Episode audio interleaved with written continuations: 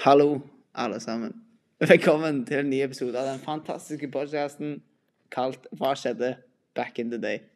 Der vi forteller deg hva som skjedde før i tiden. I dag skal vi fly ca. 10 000 år tilbake til en hendelse som har formet vårt samfunn til slik det er i dag. Som alltid har jeg med meg min trofaste makker David. Og kan du fortelle oss hva vi har foran oss 10 000 år tilbake i tid? Ja, i dag skal vi ha en ny episode av serien vår Hvor begynte det? Dette blir da episode tre. I denne episoden skal vi snakke om jordbruksrevolusjonen. Jordbruksrevolusjonen er overgangen fra at mennesker spiste det de måtte ha klart å sanke, fiske eller jakte, til at de spiste mat de hadde dyrka eller dyr de hadde alt opp. De som drev med jordbruk, fikk da større tilgang på mat. Et av de første stedene hvor vi finner spor etter jordbruk, er i Midtøsten, i området som ofte blir kalt den fruktbare halvmåne.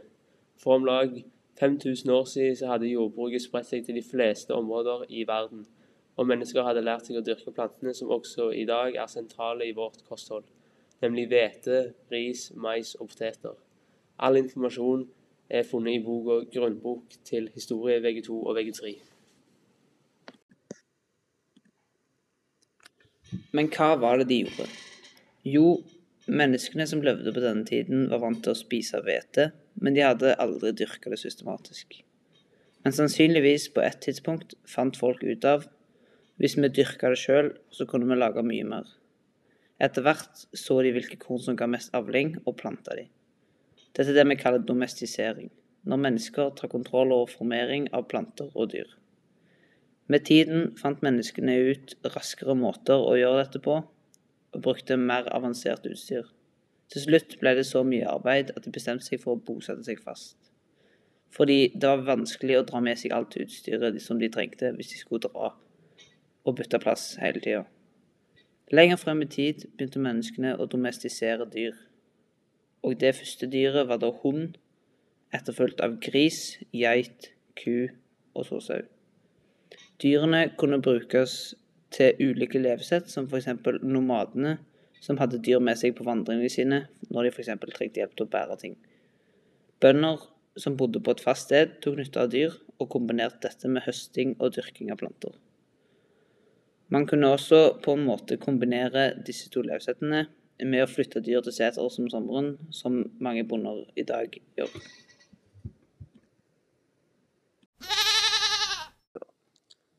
Hvorfor gikk mennesker over til å drive med jordbruk istedenfor å være jegere og sankere, Vebjørn? En forklaring er at overgangen skyldtes befolkningsøkning. Fordi jordbruk er mer arealeffektivt, ble flere pressa over til jordbruk pga. konkurranse om maten og mangel på plass til å leve som jeger og sanker. Men en annen mulig, mulig forklaring er klimaendringer. I Sørvest-Asia og Kina er det funn som viser at jordbruk oppsto i en periode med høyere temperaturer og endringer i været. Et stabilt og tilstrekkelig fuktig klima er gunstig for jordbruk og kan ha gjort det mer attraktivt.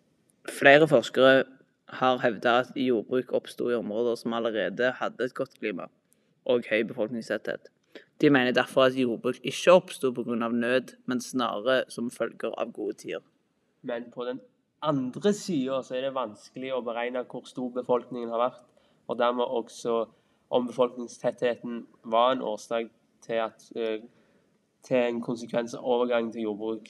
En fjerde forklaring kan være at jordbruk tiltrakk, seg folk fra, fordi det ga et overskudd som kunne brukes til å feste. Ved å gi en fest kunne de som hadde stort overskudd, knytte flere til seg og bygge større allianser. Uansett årsak var overgangen til jordbruk et resultat av en lang rekke beslutninger over et langt tidsrom. Hva var da konsekvensene av jordbruksrevolusjonen? Nå trengte jo jegere og sankere langt større områder enn bønder for å skaffe like mye mat. Dette førte til at du kunne få flere folk på et mindre område, og til at folk bodde tettere, og at befolkningen vokste. Jordbruk førte også til et overskudd av mat, som ga god matsikkerhet. Men hvis avlingene ble ødelagte, så var samfunnet mer sårbart. Befolkningen kunne faktisk dø ut hvis dette skjedde. Bøndene hadde et mer ensidig kosthold enn jegerne og sankerne. Dette kostholdet var mer næringsfattig, og den tettere befolkningen ledet til mer sykdom.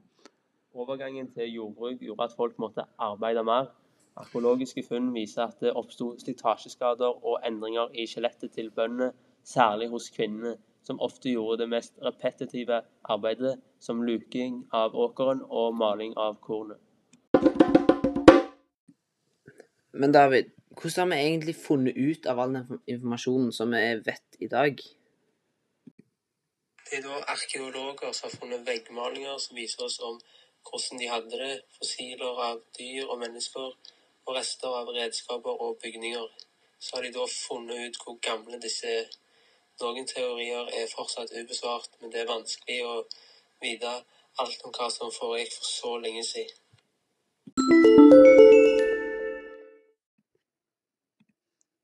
Den viktigste konsekvensen av domestisering av dyr var at det ga enklere tilgang til mat. Men husdyrhold førte også til tettere kontakt med dyra. Boliger ble ofte bygd slik at de rommet både mennesker og dyr. Dette førte til mer sykdom fordi viruset ble overført fra dyr til mennesker. På lengre sikt utvikla menneskene immunitet mot flere sykdommer.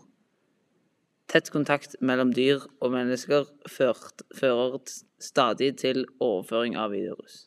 Men dyrehold var først og fremst nyttig og gunstig for menneskene. Husdyr ga jevn tilgang på kjøtt og melk, og skinn og hår kunne brukes til å lage klær. Avføring fra dyra ga gjødsel som kunne spres på åker og eng for å øke avlingen gjennom å tilføre jorda nitrogen og andre næringsstoffer. Hesten kunne brukes til transport, og sammen med hunden, som kunne gjete dyreflokken, gjorde dette det mulig for nomader å flytte dyreflokker og familier over større distanser. Men var egentlig konsekvensene av jordbruksrevolusjonen mer bra enn dårlig? Ja, det er en grunn på at vi fortsatt bruker de samme teknikkene i dagens samfunn som de gjorde i slutten av revolusjonen. I tillegg gikk levealderen opp, og vi bygde immunitet mot flere sykdommer og hadde en mer konstant tilgang til mat. Vi fant òg ut hvordan vi skulle bruke dyr som hester til å trekke både varer og mennesker, som hjalp godt når de skulle sanke mat eller dra på lange turer. Ja, og selv om det var noen negative sider, som at det ble mer sykdom fordi de bodde tettere til dyr i hus som utvikler f.eks. svineinfluensa eller koronavirus, som er et nyere eksempel, så ser man likevel i sin helhet at de positive konsekvensene er større enn de negative. Det var alt vi hadde for podkasten Hva skjedde back in the day? Jeg takker for alle som har hørt på, og takker som alltid min gode, trofaste maker David for å komme med fakta og eh, gode synspunkter i diskusjonen vår. Eh, håper dere har lært noe mens dere har hørt på, og håper dere eh, kommer tilbake til episode fire, som nå slippes på søndag. Og den handler da om dinosaurene. Takk for nå.